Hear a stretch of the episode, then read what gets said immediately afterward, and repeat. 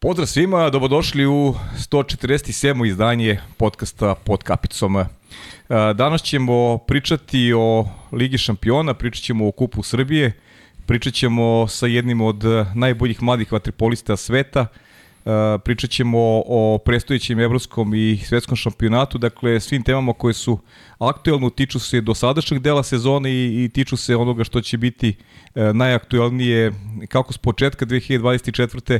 a tako i tamo sredinom godine kada će se održati olimpijske igre u Parizu, nadamo se da će i reprezentacija Srbije, vatrpol reprezentacija Srbije igrati na, na tom e, turniru. E, završena je ova grupna faza Lige šampiona u vaterpolu, imali ste prilike gledate na kanalima Spor kluba, poznati osim ekipa koji će na proleće nastaviti borbe u tom takmičenju i e, sa današnjim gostom, sa Markom Radulovićem, počeo bih upravo e, priču o, tek e, završenim utakmicama posljednjeg šestog kola, s akcentom naravno na duel koji je Novi Beograd igrao sa sa badelja Prije toga, Marko, veliki pozdrav, ovo je tvoje drugo gostovanje u podcastu, nekada kao juniorski šampion sveta si bio i kao najbolji igrač tog turnira, sada Eh, si stariji, ja sam i rekao neke, pričao sam ovdje sa kolegama neke eh, prognoze naše, nadam se da ćemo jednog dana pričamo o tebi kao najboljem igraču eh, sveta do tada.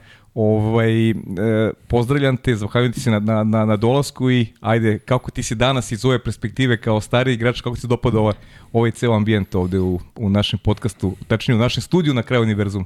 E, pa prije svega hvala na pozivu. Veoma je lepo, baš prijatna jedna atmosfera opuštena i drago mi je što sam po drugi put ovdje s vama. Marko, verujem da će ti da budeš i, ovaj, i još ovaj, nekoliko puta ovdje, čekate e, kažem, jedna, jedna lepa karijera. Nadam se će u pravcu kome želiš, u pravcu kome predviđaju i, i mnogi svetski treneri. Vraćam te na ono, ti si danas doputovao i Sabadelje zajedno s ekipom Novog Beograda. Gledali smo svi zajedno utakmicu, neki tvoji utisci, meč koji je Novom Beogradu znači iz pozicije borbe za prvo mesto, za razliku od onog meča u Beogradu kada je Sabadej pobedio, puna kontrola i rekao bih da ste ušli u pravu formu onako baš, baš kad je bilo vreme. Pa da, složio bi se s tobom, imali smo punu kontrolu meča, iako nije bilo lako, pošto poslije osvajanja kupa i da kažem više emotivnog nego fizičkog pražnjenja nije bilo lako, mi smo odmah sljedeći dan, nije bilo slavlja niti ničega, Odmah smo otputovali za Sabadelj za tako reći najvažniju utakmicu u sezoni, zato što sad idemo u sljedeći krug Lige šampiona sa prve pozicije što nam u jednu ruku olakšava dalje tijek takmičenja, tako da mislim da smo pokazali jedan veliki karakter, jednu veliku zrelost i vodili meč u smjeru kojem smo htjeli i priveli to u našu korist na kraju. Ja sjajna partija oba pravca, i, i, i defazivno i ofazivno, puna kontrola, nešto je viđeno kupu, kasnije ćemo da se osvrljene na kup, Jel vas je Sabadelji iznenadio u tom prvom meču u Beogradu ili to možda bilo malo i neka posljedica opuštanja, dva razlike bilo na ulazku u posljednju četvrtinu, ona ta serija 4-0 koja onako baš nije, nešto što nije viđeno makar sa ovom ekipom Novog Beograda ove godine. Pa jeste, mogu reći da su stvarno iznenadili zato što ne znam da li je, mislim da je došlo do laganog opuštanja pred taj mhm. meč jer smo stvarno igrali prije toga jako dobri na jednom jako visokom nivou, a oni su jedna mlada poletna ekipa i mislim da su tako reći naplatili taj naš neki kiks i opuštanje laganog ulaska u utakmicu, ali eto, na kraju taj poraz nam nije ništa značio jer smo sad sve preveli u našu korist. Uh-huh. Mhm. je juče poveo, juče, ok, to je utakmica dakle, koja je igrana u, u sredu poveo samo 1-0 na početku utakmice, kasnije nije bilo nikakve dileme, onako baš je, e, mi koji smo gledali to sa strane, delovalo je kao da Novi Beograd možda je podigni ritam, možda pobedi sa većim razlikom da je, da je to bila potreba. Ili, dobar utisak ili, ili kako ti izgledalo u bazenu? Pa je, ja bi se složio s tim utiskom zato što mislim da je ekipa sastavljena od stvarno najboljih, jednih od najboljih pojedinaca na svijetu i mislim da u svakom trenutku se zna tko šta radi i mislim da je to naša najveća prednost i, i ne srljamo i nikad ne ulazimo u neke pretjerane greške i, i uvijek smo sa glavom tu. Tu bi morao da napomenem naše kapitena Filipa mhm. Filipovića koji nas uvijek drži nekako jer mi smo, mi mlađi bi nekad i uradili nešto i šutnuli nešto nerazumski, a stvarno ona nas uvijek sa svojim savjetima drži, uvijek nam kaže prije utakmice kako god da krene, mi igramo naš sistem igre i to će nam se na kraju vratiti. Mhm. E to ste da ti pitan, koliko tebi znači to prisustvo starijih sad ove godine, pričat ćemo i o tome, naravno drugačije je sada i, i kompozicija tim, odnosno ono što si imao u radničkom gde si kao mlad čovek, negde od tebe se očekivalo najviše. Sad imaš tu Fiću, imaš Vlahopulosa, imaš i Granadosa. Zaista igraš sa, sa ponajboljim igračima sveta. Koliko ti osjećaš da si tu napredovo, opet negde e, e, imaš neku ulogu koja, koja tebi više prija shodno i godinama koje imaš? Pa mogu reći da mi jako prija ova ekipa i, i ova trenutna situacija zato što E, ne oslanja se nikad tu na dva ili tri igrača ti ako vratiš malo naše utakmice nazad, evo i polufinale kupa i finale kupa uvijek imaš e, više da kažem igrača koji daju golove više mhm. igrača koji će izblokirat nikad se igra ne oslanja na 3 četiri igrača evo za primjer Filip jedan od najboljih šutera najboljih igrača na svijetu on u ovakvoj ekipi uzme nekad po jedan, dva šuta, ali ti mhm. namjesti pet, e, pet golova, ti namjesti odigrati odbranu, igrati u oba pravca.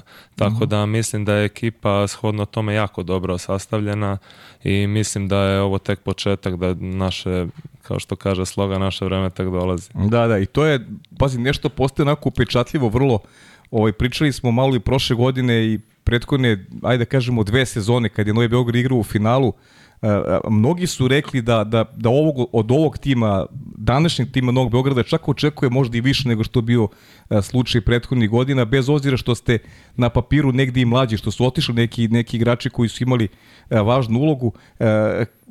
Čini mi se da je postoji dobra hemija unutar ekipe. Opet kažem, to je utisak sa strane, nisam neko ko, ko sa vama živi, ko, ko, ko dolazi na treninge, ali mislim da se to baš osjeća kroz igre, ta hemija koju imate unutar ekipe. Pa jeste, složio bi se, mislim da smo na papiru možda negdje i mlađi, ali mislim da baš ta mladost i želja za dokazivanje je naš najveći adut ove sezone i to što si rekao za tu hemiju, to bi se složio jer eh, evo, prvenstveno Žile radi tu jako dobar mhm. posao i stvarno stvarno nas uvijek eh, ujedinjuje i stvarno nikad eh, ne da da se neko osjeća loše ili nešto, da bude u nekom padu emotivnom, tako da nas drži sve na okupu i mislim da smo na taj karakter i na to jedinstvo i pobjedili taj i osvojili kup. Mm, e, ajde pričam sad o kupu malo, pošto je jedan, ja sam tebi izvao nakon, nakon finala kupa, nakon osvojenog trofeja, trofeja nešto što je nedostajalo Novom Beogradu evo, u prethodnih e, godina, onako prilično dominantno protiv Partizana, ajde da budemo realni, nije bilo nekog problema. U stvari vaš pristup nije dozvolio da, da bude problema, pokazalo se da je kvalitet onako apsolutno na vašoj strani, mislim da, da nije bilo ovaj, nekih, nekih dilema još nakon prve četvrtine koji će tu izaći kao pobjednik. Pa da, složio bi se da stvarno tu pitanje pobjede nije dolazilo u obzir ni u jednom trenutku, ali mislim to je mlada ekipa, ja to najbolje znam iz radničkog, znam koliko su te mlade ekipe kad se pocijene mogu biti opasne i mogu da te iznenade, pogotovo što je to Partizan i svi znamo šta je Partizan u mhm. Waterpolu i, stvarno se bore za svoj klub do zadnjega toma snage, ali eto, sada kažem je iskustvo ipak presudilo u našu korist. Mhm.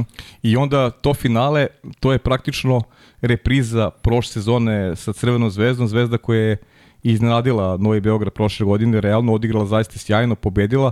ove godine, mm, pa opet, slično polufinalu, nije rezultatski bilo tako ubedljivo, ali iz mog ugla puna kontrola i apsolutno zaslužena pobeda u jednoj utakmici sa mnogo isključenja, praktično da ste jedni i drugi, u stvari, ajde nije to baš bilo podeljeno jasno ovaj, po broju isključenja, ali, ali eh, ta neka igrač manje, igrač više, to je odlučivalo u meču gde je zaista bilo nekih koliko, 40 isključenja. Pa jeste, ja mislim da je Omer isključenja bio negde 24-25 naprema 13-14 mm-hmm. slagaću sad, ali jeste da i mislim da je činjenica toga što, što smo bili osabljeni za Čuka i Jakšića što je, što je bio neki lagani, da kažem, šamar pred sam početak kupa, jer mislim, svi znamo koliko su nam bitni na ta dva igrača, a da stvar bude e, zanimljivija, to se isto desilo i prošle godine. Isto je Novi Beograd igrao finale kupa bez mhm. dvojice i trojice igrača i par njih igralo po temperaturom ali evo kao što sam rekao taj mladost i karakter ovaj put je stvarno pokazao svu svoju moć i mislim da zato sad nismo dopustili da dolazi do nikakvog opuštanja nego smo dali svi sve od sebe i priveli da kažem mirnu utakmicu kraja. Da, u Lahopolu to odigrao sjajno to, to finale. Koliko je dao? Šest ili sedam golove? Da. Ja mislim da je šest, da. Stvarno mm. odigrao vrhunski. Pa to ono što sam ti rekao ovdje, stvarno jednom će iskočiti jedan, jednom će iskočiti drugi, stvarno ekipa vrhunskih pojedinaca i nikad se ne sumlja u nikoga, zna se da kad dođe njegovih pet minuta da će to biti rapsodija Vatrpola, tako da... Da li misliš da, da, jedino pro reko možda parira sa tom spojnom linijom? Tu bukvalno ne znaš od, od pozicije 1, 2, 3 i, i često se i rotirate u tim pozicijama, to je nešto sam primetio ove godine, recimo i Vlakopulos i ti znaš da daješ golove sa različitih pozicija u, Sabade, u Sabadelju si dao tri gola takođe E, zaista imate izuzetne pojedince koji mogu da se prilagodi različitim ulogama u timu. Pa jeste, mislim da, ma osim proreka, mislim da tu definitivno i Ferenc i Olimpijakos uh mhm. -huh. isto imaju vrhunske stvarno igrače na svim pozicijama, ali ovo što si rekao, mislim da se to u jednu ruku i očekuje od nas, zato što smo dovedeni u vice šampiona Evrope i stvarno se negdje podrazumeva da svaki igrač može, odigrati više pozicija mhm. i stvarno mislim da smo se adaptirali dobro u tome i mislim da svakim treningom i svakom utakmicom smo sve bolji i bolji i mislim da će to biti na kraju jako dobro uh I se proslavio taj kup eh, na kraju, bilo nekog, nekog slavlja ili ste imali prilike s obzirom da je Sabadelj bio blizu nakon, nakon, to, te utakmice? Pa nismo, išli smo, išli smo skromno na, na jednu večeru, sad kad smo došli u Barcelonu, ništa pretjerano jer smo znali da nas očekuje jako bitan meč protiv Sabadella tako da nismo dali mjesta za opuštanje mhm. preveliko. Mhm. Ili ima nešto što, ajde kažemo, nije vam odgovaralo, zamirate sebi u ovih, evo, od kako je počela sezona, rekao bih da je stvarno učin bio maksimal. Eto, sa izuzetkom tog poraza sa Badelja, mislim da ste sve onako ciljeve i lične i klubske uspeli da pretvorite, onako što se kaže, u, u, kvalitetan učinak. Pa ne bi, ne bi imali, ja mislim, sebi šta da zamjerimo, zato što stvarno i taj poraz, kako bi rekao moj prijatelj Savo Četković, nismo roboti. Mislim da, se, mhm. da je normalno da se poraz nekad e, mora dogoditi i sva sreća da je sad bio tako da kažemo bezbolan. Na kraju mhm. je ispalo tako ali stvarno nemamo šta da se zamerimo. Mislim da smo trenirali jako dobro, pokazali smo to svoju utakmicu, pobjedili smo ozbiljne protivnike poput Zvezde, Breše, Sabadelja, tako da mislim da možemo i, tekako biti zadovoljni sa ovom polusezonom. Uh e, kaži mi neka, neka očekivanja, ovaj, jel razmišljaš o žrebu, ovaj, ili ima neki, neki rivali koji bi, znamo da Breša ne može da bude ovaj, u grupi sa, sa vama, ili ima neka, neka želja ovaj, tvoja, onako, neka, neki rival koji, smatraš da pogoduje više. naravno, glavni cilj je plasma na Final Four, to je ono što, što sve od vas očekuje. Pa ne bih rekao da pogoduje sad ni jedna ekipa, ove sve ekipe stvarno koje su, su prošle dalje, nema više lakih protivnika mhm. i stvarno svako je zasluženo prošao dalje.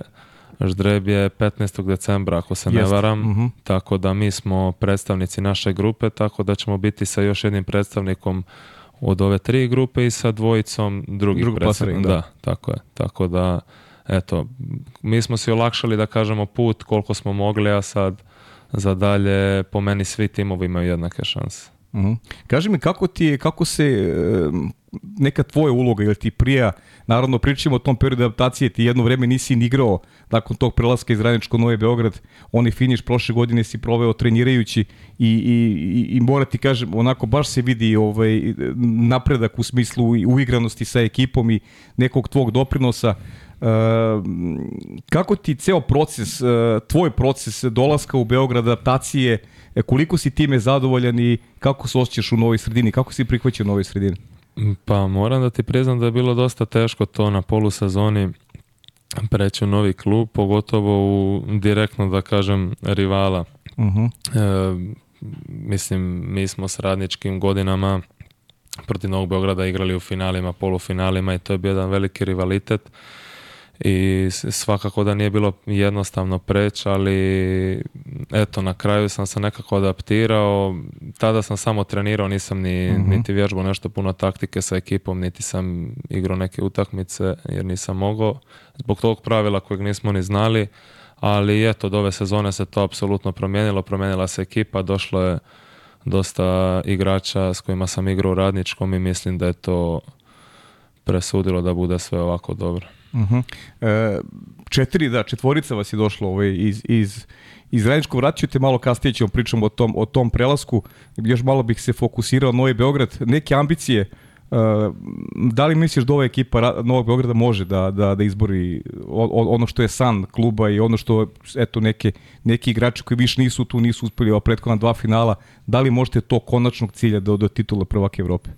Pa ja mislim definitivno da možemo, ekipa je, ekipa je zato i napravljena i kup i prvenstvo i regionalna liga, sve je to super i naravno mi idemo na svaki trofej, ali zna se konačni cilj, konačni cilj je Liga šampiona i to je evo sad ostao jedini trofej koji klubu fali i mi ćemo dati sve od sebe da se to ostvari ove godine mhm. već. A konkurencija? Jel su ovo tri kluba koji si nabavio? Misli da su oni pa, najveći rivali? Pa da, mislim da su Ferenc Varoš, Olimpijakos, u svo dužno poštovanje Jadranu, Barceloneti i Proreko, mislim da je tu, da su to ta tri kluba koja mhm. definitivno najviše pariraju za osvajanje Lige šampiona. Da, to je možda Ferenc Varoš je najviše pojačan u stvari od svih ekipa prošle godine, rekao bih. Proreko neko je tu na nekom istom nivou, neke korekcije i Olimpijakos ovaj, doživio, ali baš su bili upečatljivi ove godine, recimo Pro Reko i, i, ekipa Ferenc Varoša, makar do sada. Jeste, jeste. Ferenc Varoš eh, se pojačao sa Eduardom Disomom, mm. italijanskim reprezentativcem, sa Mandom. Mislim da su ove godine stvarno puno, puno moćni nego prošle godine i, i oni njeguju taj jedan stil igre bez centara i mislim da ta dva igrača što su dobili da im jako puno pomažu u tome i i nespecifična jedna ekipa, jako spremna, jako dobro igrana. Mislim da, mislim da oni isto ove godine mogu daleko dogurati u Ligi šampiona. Mhm. E, pazi, i, i, i kad pričamo o Novom Beogradu, često se dešava da igrate bez centra, da se spuštaš ti na dva metra, e, Raša, ne znam, Skumpakis, mnogo tih polivalentnih igrača koji mogu da odigraju na, na više pozicije. To je neki vaš adut, bez ozira što imate i sjajne centre, E, velikog Duška Pjetlovića, Sava Ćetković, odličan igrač, Perković, ali vrlo često gledamo te neke, ajde da kažem, žiletove minijature u kojima e, i ti, i Raša, i Skumpakis e, se spuštate dole i, i pravite ozbiljne probleme odbrani protivnika. Pa jeste da slažem se, to su, to su žiletove novine koje bi ja rekao da je da je pokupio baš iz Mađarske ovo što smo pričali o mhm. Ferenc Varošu i mislim da je to jedna jedna vrhunska taktika jer danas se Waterpolo pretvorio u to. Igrači igraju svi više pozicija, moraš da znaš da igraš beka i drugog centra koliko toliko, ali beka pogotovo zato što svako dana svakoga uvlači i sve se u puno plivanja i duela pretočilo, tako da mislim da je budućnost Waterpola takva da, da, se, da će se sve manje i manje igrati na klasičnog centra, da će više biti s ulazima. Uh mhm. -huh. Ali to je nešto, o tebe smo to gledali još kad si bio, kad si bio junior, ti si uvijek to mhm. imao u sebi da, da voliš se spustiš dole i imaš tu neku i, da kažem, i snagu i neki kvalitet da, da uspevaš da se tu i onako, da se, što se kaže, porvaš i sa, možda i sa većima od sebe. Pa ja volim biti tako u duelu, da meni duel stvarno prija i, i zato mi je ta pozicija jako dobra zato što može da se iskoristi i u jednom i u drugom smjeru. Uh I ova igra protiv Sabadelja, je li to nešto ovako čemu težiš da bude u, u kontinuitetu i ne govorim samo o golovima, govorim, govorim o igri u oba pravca. Pa jeste, jeste, naravno. Mislim da je prije svega što moramo da težimo i za reprezentaciju i za klub, da je ta igra u odbrani o mhm. kojoj uvijek se priča i mislim da i stvarno bi se složio sa svim starijim igračima kada govore da sigurnost gradimo u odbrani. Mhm. Jer u, napadu, kako bi Žile rekao, mi stvarno imamo kvalitet i mi ćemo gol uvijek dati, Ali moramo se potruditi da ga ne primimo i kada to dovedemo na jedan nivo na koji želimo, mislim da stvarno niko neće moći igrati s nama.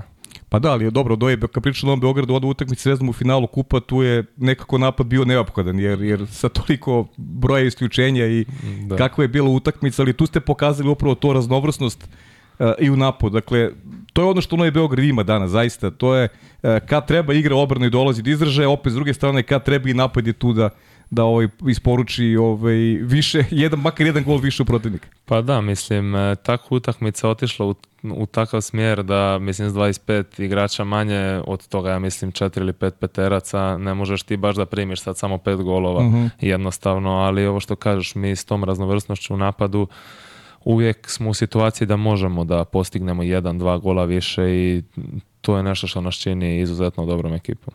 Dobro, ništa, ja stvarno mogu da, da vam čestitam, zaista sjajno ste igrali, pogotovo i završnici, i to bez Jakše, bez Ćuka, ovaj, delujete sjajno i, i ovaj, držim vam fige da, da na proleće tamo od marta meseca da, da sačuvate taj nivo forme, taj nivo zrelosti koji ste pokazali i da konačno eto srpskom vaterpolu donesete još jednu titulu prvaka Evrope, klubskog prvaka Evrope, da se upišete kao još jedan klub koji je to koji je to uspeo da ostvari. hvala. Ajmo sad, e, Marko, malo da, da, da prozborimo onome što, što te čeka i vratit ćemo se malo i u prošlosti, u tim nekim tvojim debitanskim nastupima. E, reprezentacija Srbije već evo 9. januara za par dana praktično se vraćaš u Kragujevac gde si proveo toliko vremena e, sa Urošan Stevanović s koji si opet toliko dugo radio. Kakva su tu očekivanja, šta može vaterpolo javnost da, da očekuje? Malo se vratila vera, aj kažem šire javnosti, ne ljudi koji su konkretno u vaterpolu, nego već one šire javnosti. Mislim, vera u vas postoji, svi koji su u vaterpolu i e, znamo koliko ste talentovani, koliko ste dobri. E, šta ti lično očekuješ sada od onoga što nas očekuje u Zagrebu i, i, i Dubrovniku i kasnije u, u februaru mesecu u Dohi? Pa, definitivno da očekujem jednu, da kažem, tvrdu i i neizvjesnu borbu do samoga kraja. Mhm. Mislim da sad, da tako kažem, plaćamo neke svoje grijehe iz prošlosti što smo ostali deveti u Splitu i sad po tom novom sistemu takmičenja smo u ovoj slabijoj skupini. Sad se dijele prve dve skupine, prvih osam se dijele na na dve grupe po četiri i od koje mi igramo sa četvrtom ekipom ako po svemu sudeći bi trebali da budemo prvi u toj našoj slabijoj skupini i onda igramo osminu finala po mom nekom skromnom mišljenju to bi trebala biti ili Francuska ili Crna Gora što je automatski jedna, jedan jak start da kažem poslije ove tri da kažeš malo lakše utakmice odmah krećeš na, na, na dosta jake protivnike. Mhm. Da, i onda poslije toga u finalu treba da se ukrštaš sa prvim iz one tamo druge grupe što su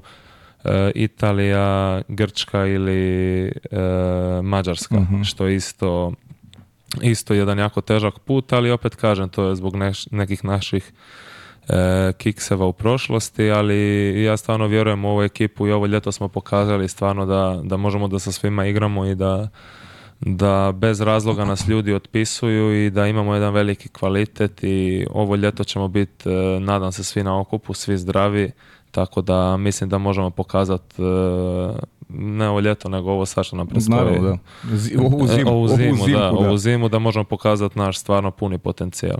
Ovaj, ne, možemo da pravimo, ne možemo da pravimo ove ovaj, kalkulacije neke. Igre se od takmičenja do takmičenja namestilo se da u dva mjeseca imamo dva velika a pritom e, osnovni cilj je neki plasman, e, plasman u Paris. Kako ti u svojoj glavi ili praviš teke projekcije ili, razmišljaš ovaj, na taj način šta treba da uradimo da bismo došli do Pariza ili smatraš da prosto idemo sada u Zagreb, idemo u, u, u Hrvatsku da tamo osvojimo medalju pa ćemo da razmišljamo o tome šta će biti u Dohi eventualno?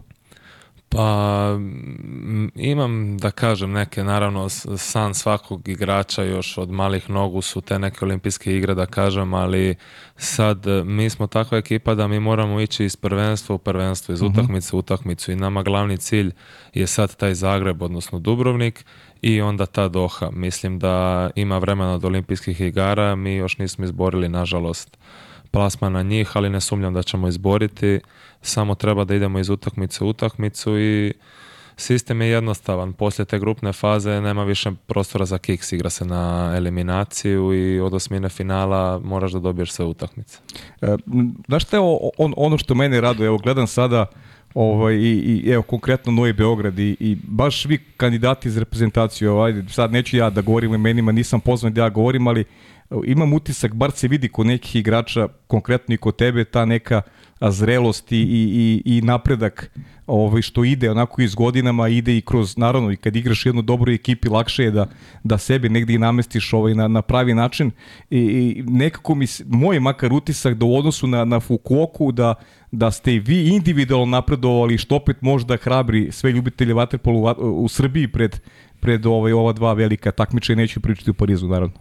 Pa složio bi se, da, mislim da, da u ovakvoj ekipi jednostavno svakim treningom, svakom utakmicom ti napreduješ i zato mora da budemo zahvalni što jedan ovakav klub postoji u Srbiji zato što mislim da će se ovo dobro odraziti na reprezentaciju. Opet nas 6 sedam reprezentativaca srpskih je konstantno tu zajedno i mi mhm mi smo stalno na okupu i mi se stalno igravamo i gledamo naše nedostatke, naše vrline, naše mane, tako da mislim da da to olakšava Urošu, da kažem, jednim dijelom za reprezentaciju, mhm. zato što se mi kroz klubove već dosta uigravamo, tako da mislim da, mislim da će to stvarno biti dobro.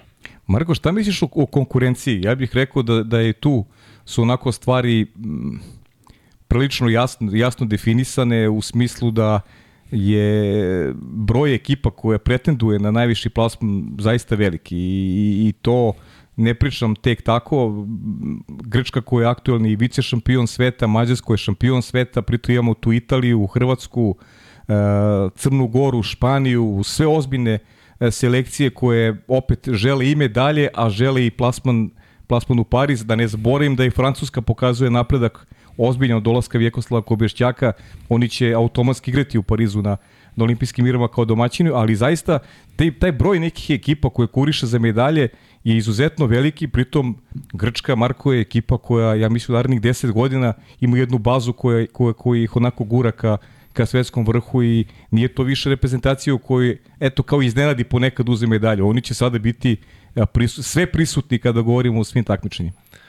Pa jeste, složio bi se, nema više, nema više ekipa da ti kažeš sad ćemo mi lagano proći uh mhm. -huh. osminu, Sve ekipe znaju da igraju vaterpolo, sve ekipe njeguju neki svoj stil igre i mislim da, mislim da naredna takmičenja će biti jako neizvjesna. Ti mene sad kad bi pitao tko će uzeti medalju, to se stvarno nikad ne zna. Nas su svi otpisivali u tom četvrtfinalu protiv Italije, oni su protiv, poslije Španije bili prvi favoriti i mi smo ih izbacili u tom četvrtfinalu. To samo govori o tome koliko je koliko su ta prvenstva sve neizvesnije neizvesnije. Eto i ta Francuska, ovo što se spomenuo, stvarno mislim da Vijeko radi jedan odličan posao i da će oni za Paris biti jedna vrhunska ekipa. Već su sad, po meni, imaju jednog od najboljih centara na svijetu i svakako protivnik kojeg se ne može zanemariti. Ajde mi kažeš iskreno nešto, sad se nešto, nečeg setio. E, Fukuoka. Ona asistencije ubi. Pre dve godine Marko Radulović, ili bi šutirao na gol ili, ili bi dodao Uboviću? A? pa ne znam nisi siguran, a? Pa nisam siguran, vjerojatno bi šutirao, ali, ali u toj situaciji stvarno da, ja sam vraćao taj snimak nekoliko puta i stvarno ne znam ni sam kako sam to bacio. Sada me pitaš da li bi bacio ponovno, ne znam, stvarno ne znam ali eto, to nas je malo poguralo da prođemo dalje. Pa jeste, boga mi baš je, baš je poguralo i, i nekog, evo sad se sjetio te asistencije, pričao sam ovdje i sa ovo, ovaj, i ranije sa sagovornicima jedan, jedan ovako vrhunski potez ja zaista verujem da će ih biti sve više. To je, nekad mi zaboravljamo stariji ovaj, kakvi smo bili dok smo, dok smo bili klinci i to ono što se meni sviđa ovaj, kod tebe, što, što primećujem tu ovaj, tu neku, neku zrelost koja se pokazuje. Ti si veliki talenat, ali dolazi neka zrelost koja tebe u igri čini baš moćnim. I to je evo, ta presta sad u Sabadelju, pa tu u Fukoki, taj potez koji je onako baš odskočio i pokazao da imaš neku viziju ovaj, igrača koji, koji razmišlja. A, hvala ti, da, mislim. To je da kažem, negdje nam je Bog vratio za sve što smo se mučili, što su nas svi otpisivali mhm. i za svaki trening što smo odradili stvarno mislim da smo zaslužili proći te četiri ekipe. Nažalost nismo mogli tu da, da uzmemo medalju, ali, ali eto, za početak ne mogu reći da je totalno razočaranje, ali, ali mislim da ćemo svakim prvenstvom biti bolji, kao što sam rekao. E, koliko je bolno bilo ono, ono u Splitu, sve što se, što se dešavalo? Šta ti je tada prolazilo kroz, kroz glavu? Opet to je sad proces interesantan i za priču kroz prizmu mladih igrača, Evo recimo, recimo Stefan Branković je bio tamo, Stefan koji sada nije više ni na, ni na radaru koji su predelio za, za, za ajde kažem, neku, neku drugačiju ovaj, životnu priču. E, šta je tebi prolazilo kroz glavu nakon, nakon tog splita da je reprezentacija doživjela onako pravi debakl? Pa, mislim, kroz glavu su mi prolazile razne stvari, mislim, to su stvarno neki porazi što ti ostanu za cijeli život mhm. od kojih se stvarno ne možeš nikad oporaviti. A uvijek gledaš, vraćaš film šta si mogao bolje učiniti, gdje si pogriješio, ali mislim, e, vrlina velikih sportista je da, da se nose sa porazima i da, da to negdje stave sa strane i da krenu dalje. Mi nakon tog poraza mislim da smo naučili jednu veliku lekciju i, i dan danas učimo, kao što sam rekao, za ovo sljedeće prvenstvo imamo, imamo teži, teži ždrijeb upravo zbog tog što smo ostali deveti na tom prvenstvu, ali evo ja, ja se nadam da se to više nikada neće ponoviti. Da, to je nešto, to je meni interesantnije kroz tu neku prizmu e, pogleda mladog čoveka na, na ono što dolazi sutra, da li, da li u takvim situacijama kažeš sebi sad ću da radim još više, budim još bolji, znači imaš dva puta ili ili ovaj prosto neko nema tu vrstu snage pa pa jednostavno odustaje. Zato su ti neki momenti koji negde lome karijeru važni za, za, za taj neki dalji proces u, ovaj, u, u, radu. Očigledno si izabrao ovaj, ovaj put koji je, koji, je, koji je dobar u suštini, nastavak žestokog rada. Pa ja, ja mislim da je uvijek žestok rad rješenja za sve, pogotovo nakon poraza. Mislim da je taj žestok rad i, i dokazivanje na sljedećim utakmicama nešto što te vraća u život, što ti gradi samopouzdanje. pouzdanje bilo je dosta teško nakon, e, nakon tog prvenstva se vratiti zato što stvarno smo doživjeli debakl mm-hmm. nezapamćeni, ali eto, ovo što si ti rekao, nađeš neku motivaciju na treningu koja te gura i to ti negdje stoji nad glavom dugi, dugi period i, i te da radiš i da ne odustaješ i eto. Mhm. E, ajmo da, da malo razbijemo ovaj priču sa, sa jednim video pitanjem. Pozdrav za sve gledalce podcasta pod kapicom, pozdrav za tebe Pajo i ceo tvoj tim koji realizuje s tobom ovaj podcast i naravno pozdrav za vašeg današnjeg gosta Majka Radulovića. Za Raduleta bi imao dva pitanja. Prvo pitanje je koji grad u Srbiji mu ostao najlepše sećanje vezano za život u njemu, pošto je za kratko vreme već obišao četiri srpska grada. I drugo pitanje je koliko je zadovoljan beogradskom kuhinjom i naravno koga je uveo u svet E, brza hrana u Beogradu. Ćao. Hvala još jednom Marku, Marku Radoviću, rivalu iz Crvene zvezde, je tako? Da, Marko, dobar drugar. Pa eto, meni taj prvi grad, da kažem Novi Sad, je ostao nekako stvarno u srcu, mogu reći najviše, ali e, znam na šta je on e, aludirao, da, da, definitivno i Beograd mislim i djevojka mi odavde i i mnogo prijatelja i, i stvarno stvarno jedan predivan grad, da kažem stvarno europski grad, razvijen mhm. grad i stvarno da da bi se mogao zamisliti da živim u njemu jednog mhm. dana. A za ovo pitanje za brzu hranu mislim da se zna odgovor, on me stvarno i svake sve pohvale. Dobro, a, gdje, gdje, ovi, ovaj, gdje najčešće konzumirate brzu hranu? Ne veze, nek ispadne kao reklama. Pa idemo u Babalu tamo, tamo u Skadarli i odemo mhm. u Bucka. On me, na primjer, sa Buckom prvi put sa picom u mhm. Bucku mhm. upoznao i to je bilo oduševljenje. Jeli smo ga svaki dan poslije treninga reprezentacije i na tome sam mu zahvalan. Generacije su Marko ovdje odrasle na, na pici u Bucku, da znaš? Da. Dobro, lepo. Hvala Marko još jednom na, na, na, na lepom pitanju. E, kaži mi ovako, sad, kad, kad sad sublimiraš e, celu tu priču, eto, mlad si čovek, a, već imaš ovaj, dosta toga i u reprezentaciji Srbije, naravno, tek ti čeki one, one prave stvari, ali generalno u sportu i, ne može ništa bez, sve procesi i ne može sve preko noći da se ostvari. E, Srbija ušli je jedan taj proces e, pomlađivanja, da li je ta Fukuoka sada kada se vratiš unazad možda neki, neki model koji je pokazao kako ekipa treba da izgleda u, nekom budućem periodu? Pa mislim da jeste zato što mi možda ono što smo pričali ranije na papiru nismo imali ekipu da se suprotstavljamo sa najjačim ekipama na tom takmičenju, ali ta naša neka da kažem drskost, inat koji imamo u sebi, da kažem urođen, je tu došla do izražaja i ta timska igra i ta motivacija i želja za dokazivanjem i stvarno e, može se reći da je to bila jedna dobra overtira za ono kako treba da igramo i kako treba da se borimo za našu zemlju.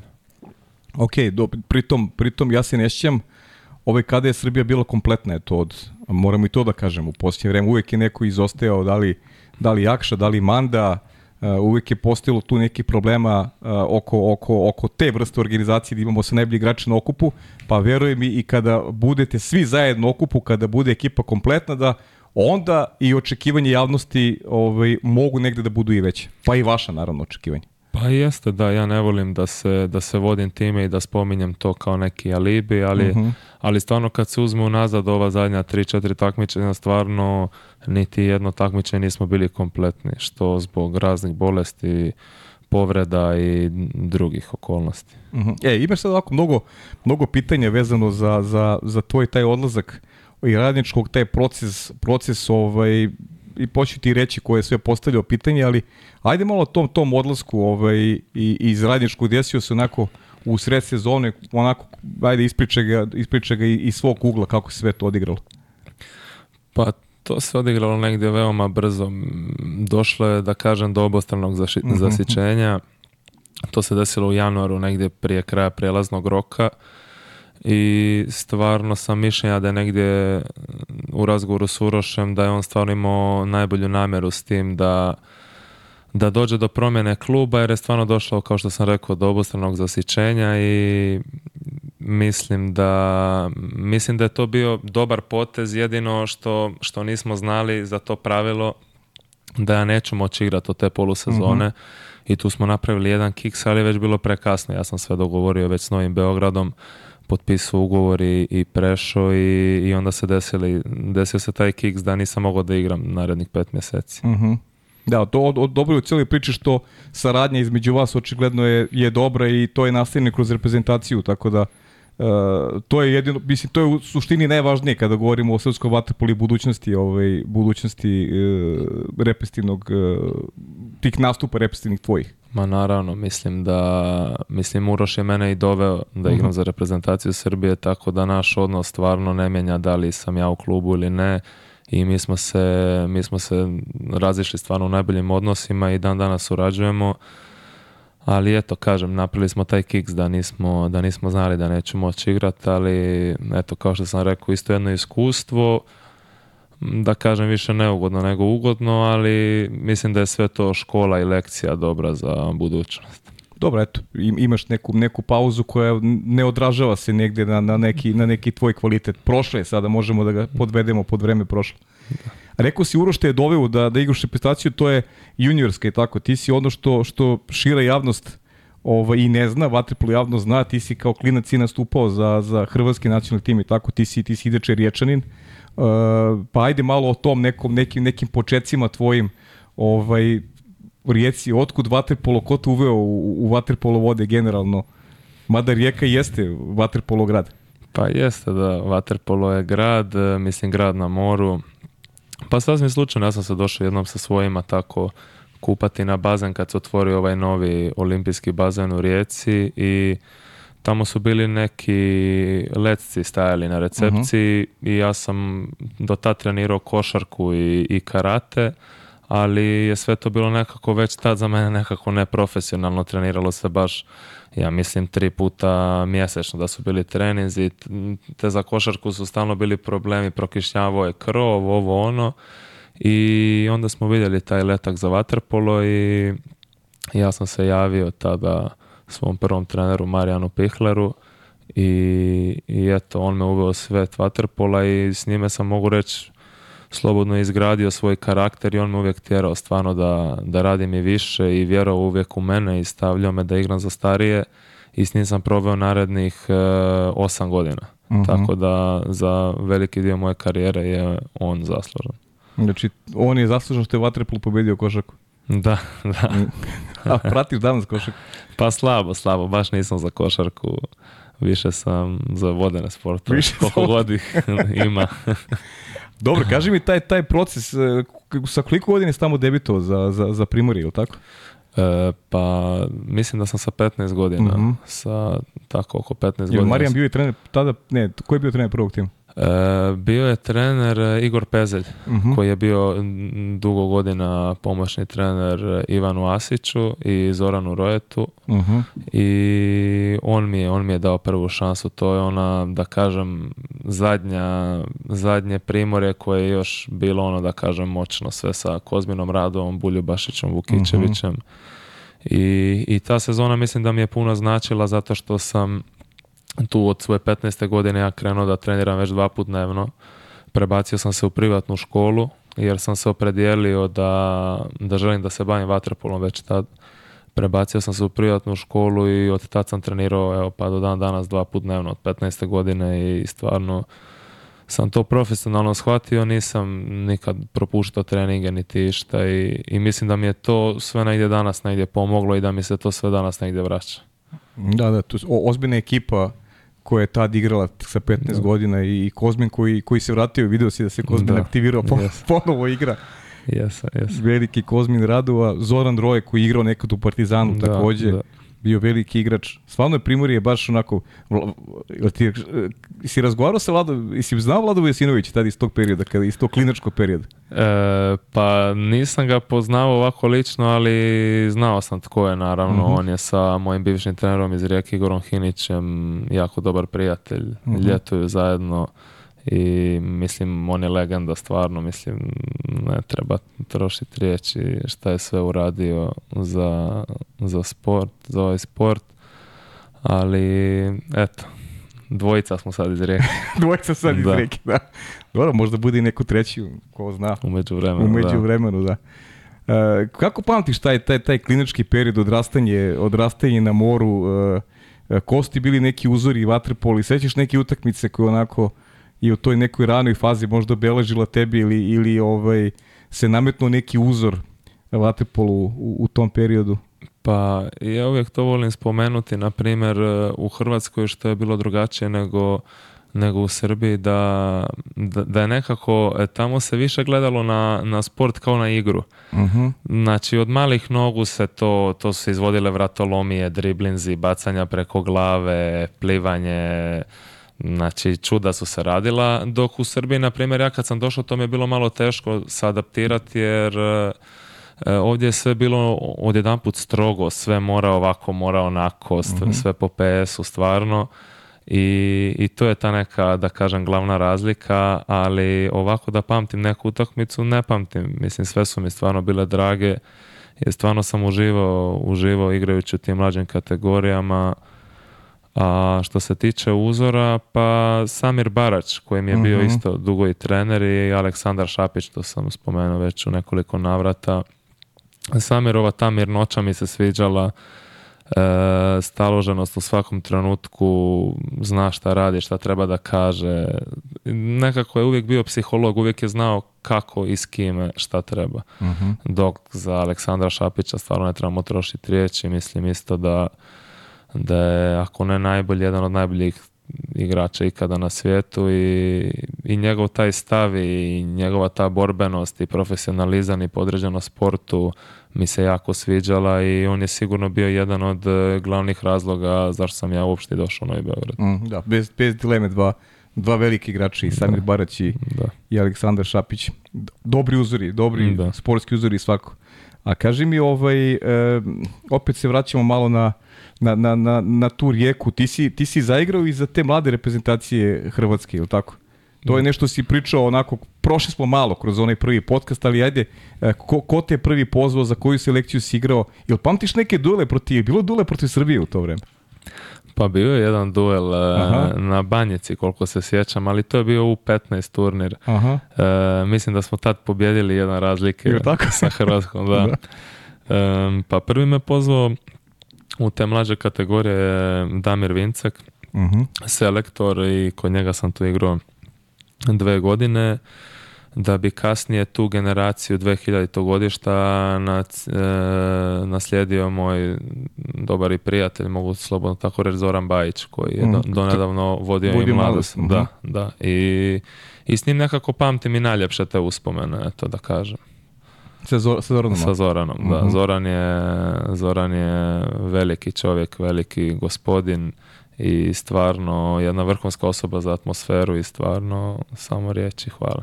A dobro, da, ja ću vratiti malo tu utakmicu na Banjici. Kako, kako ti izgledala ta utakmica na Banjici? Hrvatska pobedila. Ko je bio s druge strane? Ko je tada igrao Sa druge strane? Ko je bio? Pa ti je bio protivnik tada?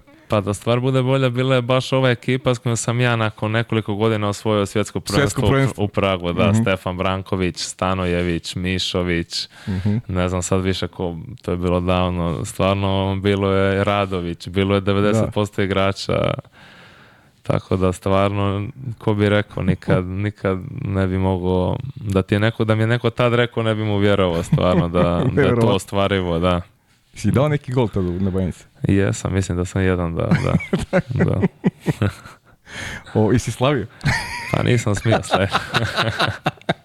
Sjajno, a kaži mi, i kažeš sada, ne znam, Marku, e, Vladi Mišoviću, evo da nisam ja došao, ne biste ni osvajali posle medalje, ne biste bili svjetski šampioni. A nije baš tako, ali šalimo se mi, šalimo se ja i Marko da, da me nije mogao čuvat pa da sam morao zato da dođem i tako, uvijek sve u svrhu dobra atmosfera. Ajde se vratimo to, malo i na tu, ovaj, u stvari ne, i, i, i bit, će će vremena poslije da, da, da prekinem ovaj nit ove priče.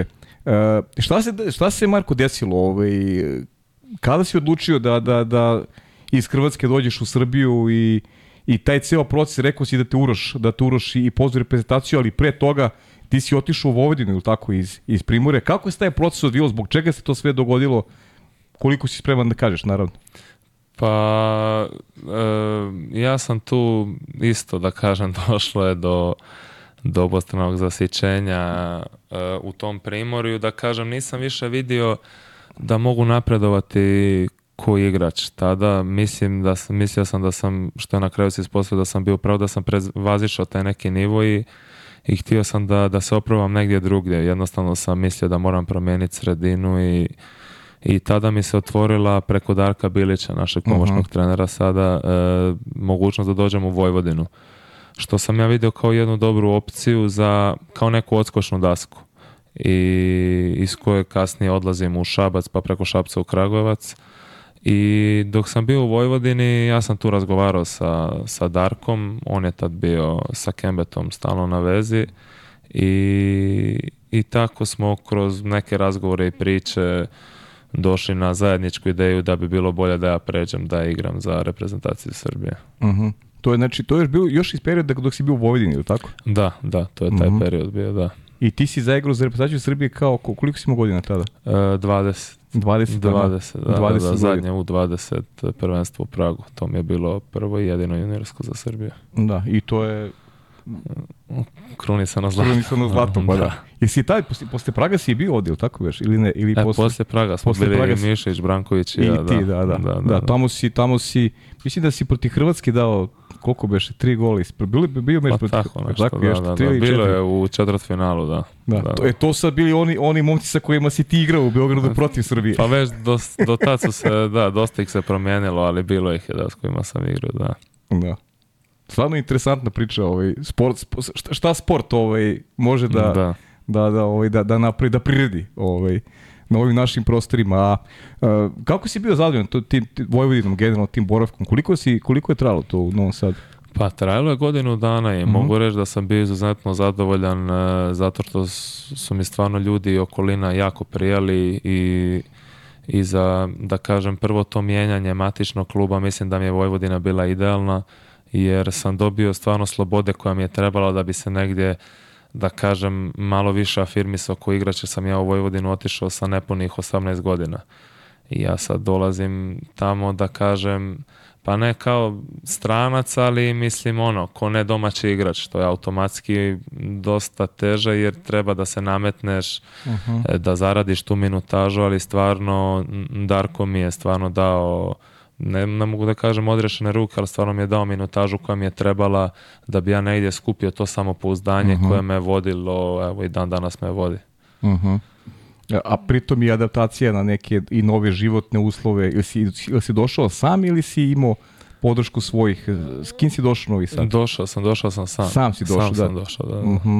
Ma ti si onako i, i, i brže morao i da, i da saziš, ajde da kažem, na račun svojih odluka. Pa da, nije bilo, nije sad bilo nekog pretiranog vremena za, za adaptaciju, izdešavalo se sve nekako to brzo i sa promjenom kluba i sa svime i jednostavno se moralo prilagoditi što prije. Mhm. A onda Šabac, otko Šabac, rekao si mi da ti Novi Sad onako prije, prije jako i životno, ovaj, Šta ti to, taj, taj neki možda, možda malo mirniji život u odnosu na, na neki drugi gradovi. Generalno su novosti nekako mirniji, staloženiji, pa da, no, sve ide neko lakše. Da, Novosađani su laganini, što se mhm. meni najviše svidjelo. A, pa odlazak u Šabac, e, baš ovo što sam pričao za taj prvi odlazak iz matičnog kluba Primorja, da sam e, vidio da sam prevazišao to. I mhm. mi smo tada igrali ovu A2 regionalnu ligu, ja sam negdje u priči sa nekim trenerima, između ostalog sa Samirom Baračom, s njim sam stvarno stalno na vezi, sam negdje i mislio da, da mi treba nešto veće, nešto, mhm. nešto više i, htio sam da igram A1 regionalnu ligu, a u tom trenutku je Šabac igrao A1 regionalnu ligu, a sezonu prije je osvojio duplu krunu i radila se stvarno jedna lijepa priča u, u Šapcu i, i stvarno dobili su se te sezone dobri igrači, međutim korona nas je malo poremetila tu i to mi je malo žao jer mislim da smo stvarno imali dobru ekipu te sezone ali eto, to je, to je bio da kažem razlog zašto sam ja napustio Vojvodinu, zato što jednostavno ta neka težnja ka nečem boljem, višem, i mhm. to me odvelo u šabac. Ali dobro, to ti neko, no, to ti neko, što se kaže, vozi, što bi rekli mladi kroz, kroz karijeru. Jako je mlada, ali ti stalno imaš neku potrebu za... Pričao si o to radničke, eto to neko, neko zasićenje e, koje si, koje si osetio možda da, da, da, da ti treba neki novi izov u životu. E, mislim, to, to je bila i, to, to se dogodilo i sa Šapcem očigledno, a? Pa e, nije sa Šapcem se to baš tako dogodilo zato što u Radničkom je bila situacija da sam ja već tamo proveo dvije i pol godine mhm, i, mhm. stvarno nisam više mogao da kažem da nađem motiva zbog svih i spoljašnjih stvari što se mhm. dešavale i stvarno mi je teško bilo da nađem motiv. A, a za Šabac jednostavno nisam toliko vremenski proveo tamo koliko sam mislio da da bi mi više bilo bolje meni kao mladom igraču dodam da radim sa Urošem o kojem se mhm. već tad stvarno pričalo sve najbolje i za kojeg se znalo da, da svaki mladi igrač koji ode u radnički neće da napravi pogrešku nego da će mu karijera otići ka gore. Uh I što je ta neka specifičnost, ajde da kažemo, tog, tog rada sa, sa, sa Urošem ili to neka neka, ne znam, disciplina, neka, neki, neki kvalitet u smislu E, i intenziteta i, i, i nekog i poverenja obostrano. Kako bi ti opisao taj, taj, taj rad generalno suroš? Pa to bi, najviše bi ga sa tim obostranim povjerenjem opisao, zato što, zato što s tim povjerenjem ja sam došao tamo isto ko relativno mlad igrač i ja sam stvarno njemu vjerovao i dan danas mu vjerujem oko svega što kaže, mislim da, mislim da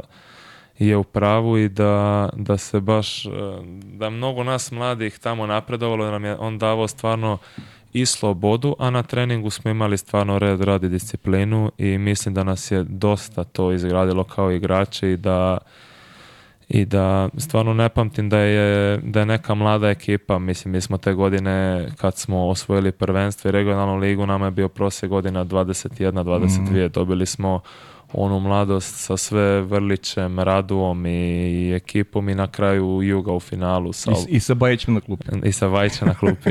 I, I, onda na kraju u finalu Juga sa, sa Lončarom, Obradovićem i svim igračima. Znamo kakvi su to igrači, koji su to šampioni. I mislim da, mislim da je to stvarno samo dokaz e, koliko je to bila prava odluka doći, doći raditi sa Urošem. Uh Koliko je taj, taj turnir generalno koji je stvarno bio neverovatan u smislu u smislu rezultata i pobede protiv Hrvatski vaterpolo koji je tada klubski Hrvatski vaterpolo koji je bio za koplje iznad ovaj o srpskog negde se podrazumevalo da Hrvatski klub osvoji taj turnir još igralo u Zagrebu i onda takva dva meča ovaj u polufinalu i finalu uh, vi mladi široj javnosti i nepoznati i dolazite do... To je prvi srpski klub koji svoju regionalnu ligu je je Kragujevački radnički sa tobom i to je sad cela ova ekipa, mislim cijela ekipa, četvorica vas koji ste došli sada u, do duše nije bilo Ćuka, trojica, znači ti e, Laza Dobožanov i Nikola Luki ste bili u, toj, u toj postavi radničkoj. Pa da, mi smo, mi smo tu kao glavni cilj, da kažem, te sezone imali kup prvenstvo i E, u len takmičenja Europa kupu da doguramo što dalje možemo. Međutim, e, desio nam se kiks protiv Zvezde u finalu gdje smo izgubili na penale, gdje mhm. sam ja upravo promašio. ti, ti, promašio, ne idu me baš penali.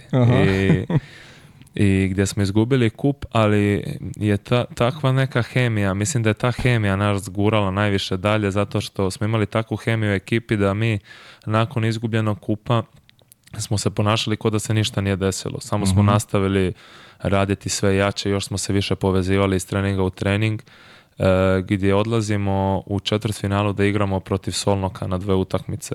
Nesretno gubimo dva razlike, a to je da podsjetim Solnok sa Drašovićem, Filipom Filipovićem i Duškom Pjetlovićem, znači jedan od jačih ekipa u, u zadnjih nekoliko godina Solnoka i, i tu gubimo nesretno doma na dva razlike. Mislim da je nerešeno bilo u, mm u, Solnoku. I tu smo mi ispali iz len takmičenja gdje smo stvarno kako je odmicalo len takmičenje vidjeli da stvarno možemo da igramo sa svakim. Međutim, na kraju taj Solnok isti je osvojio. Mhm. Ispostavilo se da smo stvarno najtežak protivnika dobili u četvrtfinalu i direkt iz Solnoka idemo za Zagreb gdje sad ne znaš više ni šta da očekuješ. Ispao si od Solnoka, tu treba da igraš sa mladosti i jugom. Svi to otpisuju, ali eto, e, negdje smo vjerovali Urošu da možemo i nikad neću zaboraviti e, kad smo dobili, da kažem, porciju poslije pobjede nad mladosti, to se slavilo, to je bilo svi sretni, zadovoljni. on organizovao neki snimak gdje smo dobili tu napušavanje da, da, ne, zna, da ne zna šta slavimo, da, da ne zna šta mi slavimo, da li smo mi šta uradili još uvijek. I stvarno, stvarno nas je tu vratio malo na zemlju i, i objasnio nam da stvarno možemo.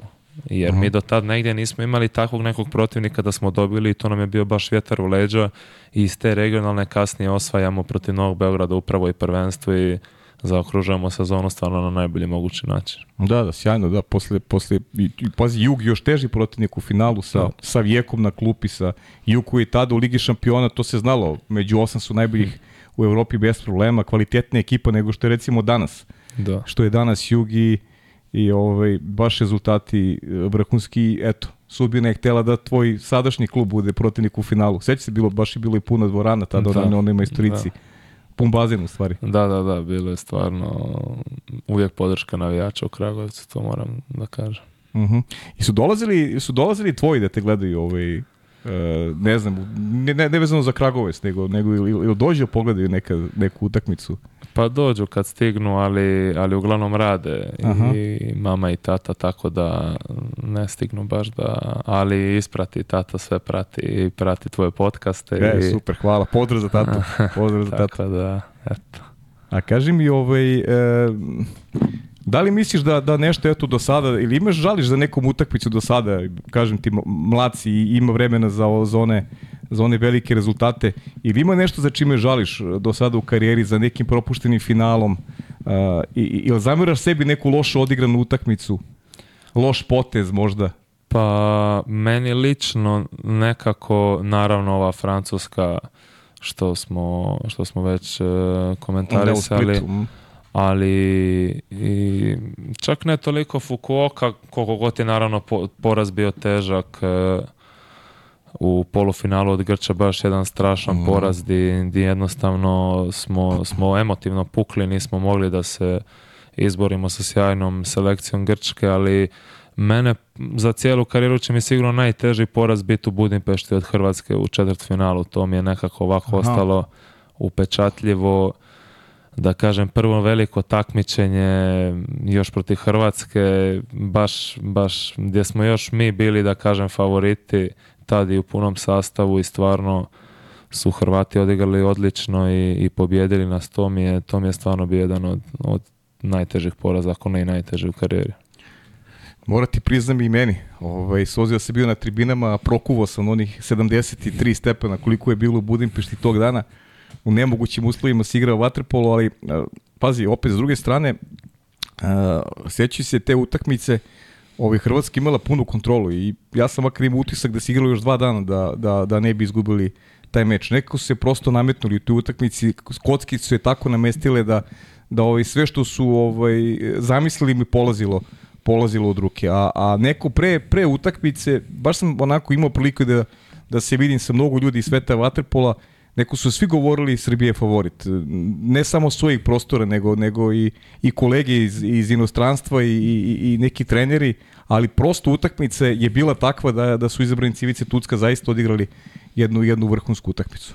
I jeste, složio bi se definitivno da su stvarno svrstavali svi nas kao favorita, ali kao što smo imali priliku i protiv Francuske i mi protiv Italije vidjeti da ne pobjeđuje favoriti, da mhm. je to sport i jednostavno mogu reći da se i nama desio loš dan i oni ne umanjuju njihovu pobjedu, stvarno su momci odigrali vrhunski, ali eto, jedan loš dan, jedna loša utakmica nas je koštala prolaza u polufinale. Uh I se čuješ sa, sa nekim od, tih nekadašnjih saigrača, isti u kontaktu ili sa nekim u drugarskim odnosima?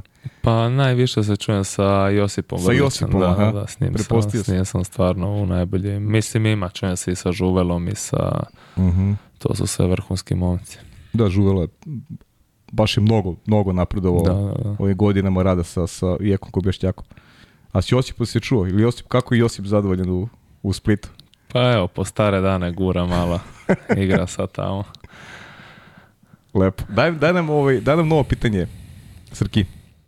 Pozdrav svima u studiju, ćao Marko, imam dva pitanja za tebe. Prvo pitanje je da li imaš neki hobi i šta voliš da radiš između treninga? A drugo pitanje je da li imaš neke planove za neku novu tetovažu? Ćao. Hvala Laki. Hvala Laki. Pa evo, kao hobi tu znam na što je Lazar mislio na Airsoft Mhm. Nauko me na Airsoft sad u posljednje vrijeme. Lucky da. On voli te pucačine i to, tako da me nauko i svidjelo mi se stvarno i baš sam zavolio i kad god imamo priliku stvarno odemo na Airsoft. Mhm. A u vezi drugo, koje je bilo drugo pitanje? Već sam zaboravio. Što je bilo drugo pitanje? Za tetovažu. za tetovažu. Pa nemam još uvijek neki neki sad e, na pameti neku tatovažu, ali sigurno da ću nešto uraditi će bude prva pauza. a koliko imaš do sada? Mm, tri. Tri, a? Da. Nije strašno. Pa dobro, nije, da. Dobro, to je, to je, to je odnos neki, znaš, imam ja drugare koji su, ono, bukvalno i cijeli, vole prosto, imaju neki odnos prema, prema i to je onako, da kažem, stvar afiniteta. Naravno. Odgovarati. Da. Super. E, ajmo još malo da, da, da popričamo onome što, e, E, što nas čeka. Zaključili smo ajde tu priču radnički i sad je ova neka nova nova epoha je, je Novi Beograd koji je počeo jako dobro i koji eto preti da, da se... Za... Na koliko si potpisao sa Novim Beogradom? Koliko je ugovor? E, na dve godine. Na dve godine, Jel razmišljaš nešto o nekoj, Mislim, naravno da ne razmišljaš o, tome šta će biti sutra, ali, ali gel neki planovi bi volo da se oprobaš u nekoj, u nekoj drugoj zemlji. Koja je tebi zemlja onako po nekom stilu igre? leži, gde, vidiš sebe da, da bi mogao možda i da se naprediš i da, i da, ovaj, da eventualno jednog dana nastaviš karijeru? Pa ne razmišljam još za sada mhm. o tome. Prvo bih htio stvarno da, da budem korektan prema sadašnjem klubu, da, mhm. da ispoštujem sve obaveze koje imam prema Novom Beogradu, a, a za kasnije nekako mi je kod malih nogu bio cilj to, da kažem, mađarsko prvenstvo. Uvijek mi mhm. se taj stil igre sviđao i i znamo koliko vrhunskih igrača ima u Mađarskoj i njima je to nacionalni sport, tako da negdje sigurno sebe vidim e, tamo jednog dana. Kako, kako ceniš ovaj, napredak? E, napredak, to je možda nije, nije prava reč, ali, ali povratak, hajde da kaže, Mađarske na, na, na vrh svetskog vatrepola, svjetski su šampioni i gledam kroz ove juniorske opet e, generacije sa mnogima si delio bazen, E, kako ti se čini ta, ta, ta sad njihova uloga? Vidimo da je Ferenc Varoš lansira neke, neke mlade monke. E, gledam i srpski nacionalni tim, ove, ove generacije posle tebe, manje više sva finala igraju sa, sa, sa mađarskom selekcijom. Mnogo je duela bilo sa mađarima u posljednjih, hajde da kažem, 4-5 godina. E, to opet e, nakon naznaka da će Mađarska ponovo biti glavni rival na putu ka, ka nekim medaljama i i generalno ajde malo da, da, da, da neki tvoj utisak o onome što je Mađarska danas i tim nekim mladim momcima koji dolaze. Pa po meni su mađarski igrači strašno talentovani i, i stvarno svaki Mađar zna da igra vaterpolo mhm. i stvarno uz sav taj talent e, izuzetno imaju radnu etiku i stvarno imaju vrhunske trenera što se da vidjeti iz mlađih kategorija a što se tiče selekcije, mislim da im je ovaj potez promjene trenera bio pun pogodak zato što je Žolt Varga dao naglasak više mlađim igračima i dao je šansu mnogo mlađih igrača koji se kasnije ispostavilo da stvarno mogu da se nose sa tim teretom i, i stvarno ispunjavaju sve ciljeve koji su zacrtani, a znamo šta je Mađarska u Waterpolu, u svijetu Waterpola i sigurno da nije lako nositi to breme, ali stvarno su razvili sad jedan taj novi stil igre o kojem smo pričali i mhm. mislim da će sigurno biti jedna od vodećih, ako ne i vodeća svjetskih vaterpolo sila u narodnoj budućnosti. Kaži mi, kako gledaš na Španiju? Uh, Španija, Filipe Peroni i dalje tu, ja verujem da će, da će biti sigurno do Pariza, posle Pariza, samo njega zavisi, ali nisam siguran da će, da će Filipe biti e, nakon Pariza u, u, reprezentaciji. Ili imaju ti mlađi selekcija potencijala da budu ovoliko dobri kao što jesu posljednjih ne znam, 7-8 godina gde, su u samom vrhu, konačno su postali i svjetski šampioni, imaju Alvara Granadosa e, koji deli s tobom e, bazen u Novom Beogradu.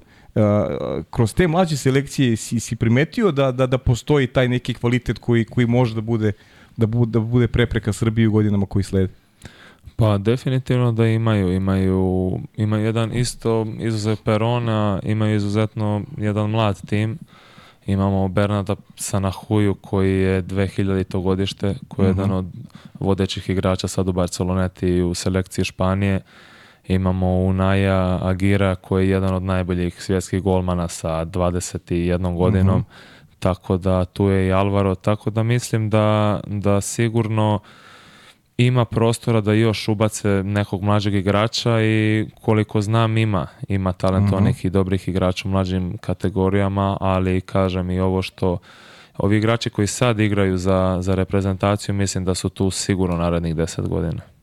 Da, pa dobro, da ima, ima, ima jezgru, ali nekako, naš nekako mi se oko Filipe mi se vrti, vrti mnogo toga. Baš me zanima kako će izgledaju kada, pa kada, kada Perone bude rekao ja ne mogu više. Pa jeste Perone jedan specifičan igrač koji stvarno druge čini boljima i mhm. mislim da će to, da će im to biti jedan veliki gubitak kad on ode baš jedan teško da kažemo nadoknadiv gubitak, ali mislim da su to isto svi vrhunski igrači, tako da već će oni nešto smisliti. Da, to ono što si rekao za Fiću na početku, evo gledam juče utakmicu, navuče dva čovjeka na sebe i onda pošeje loptu levo ili desno, ostavi, ne znam, tebe, Nikolu, Vlahopolosa, ostavi ga samo na šutu i baš je Vlahopolos za jedan takav gol juče, čini mi se, onaj uz, levu stativu kada je Fiće navukao dvojicu igrača i, i samo poslao asistenciju. Opet, kažem, taj neki rezon ide s godinama, i to je sad opet, kažem, privilegija nekog iskustva i ne znam sazrevanja da da a opet i i imena koji koji Fića stekao pa samim tim i, i privlači pažnju obrane tako da e, ta neka kombinacija meni deluje da Španija zbog toga jeste toliko zbog te neke simbioze kombinacije tih iskusnih igračkih iskustva koji Filipe ima i i mladih super talentovnih igrača kao što je kao što je Granados.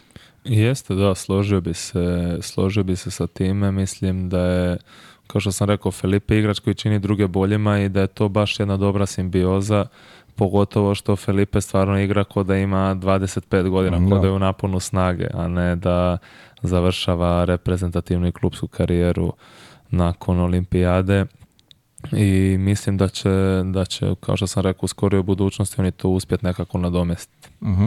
e, Srki, daj nam, i treće pitanje da, da vidimo ko nas je iznenadio. Ćao ljudi, pozdrav za sve u studiju i za vašeg uvaženog gosta Raduleta.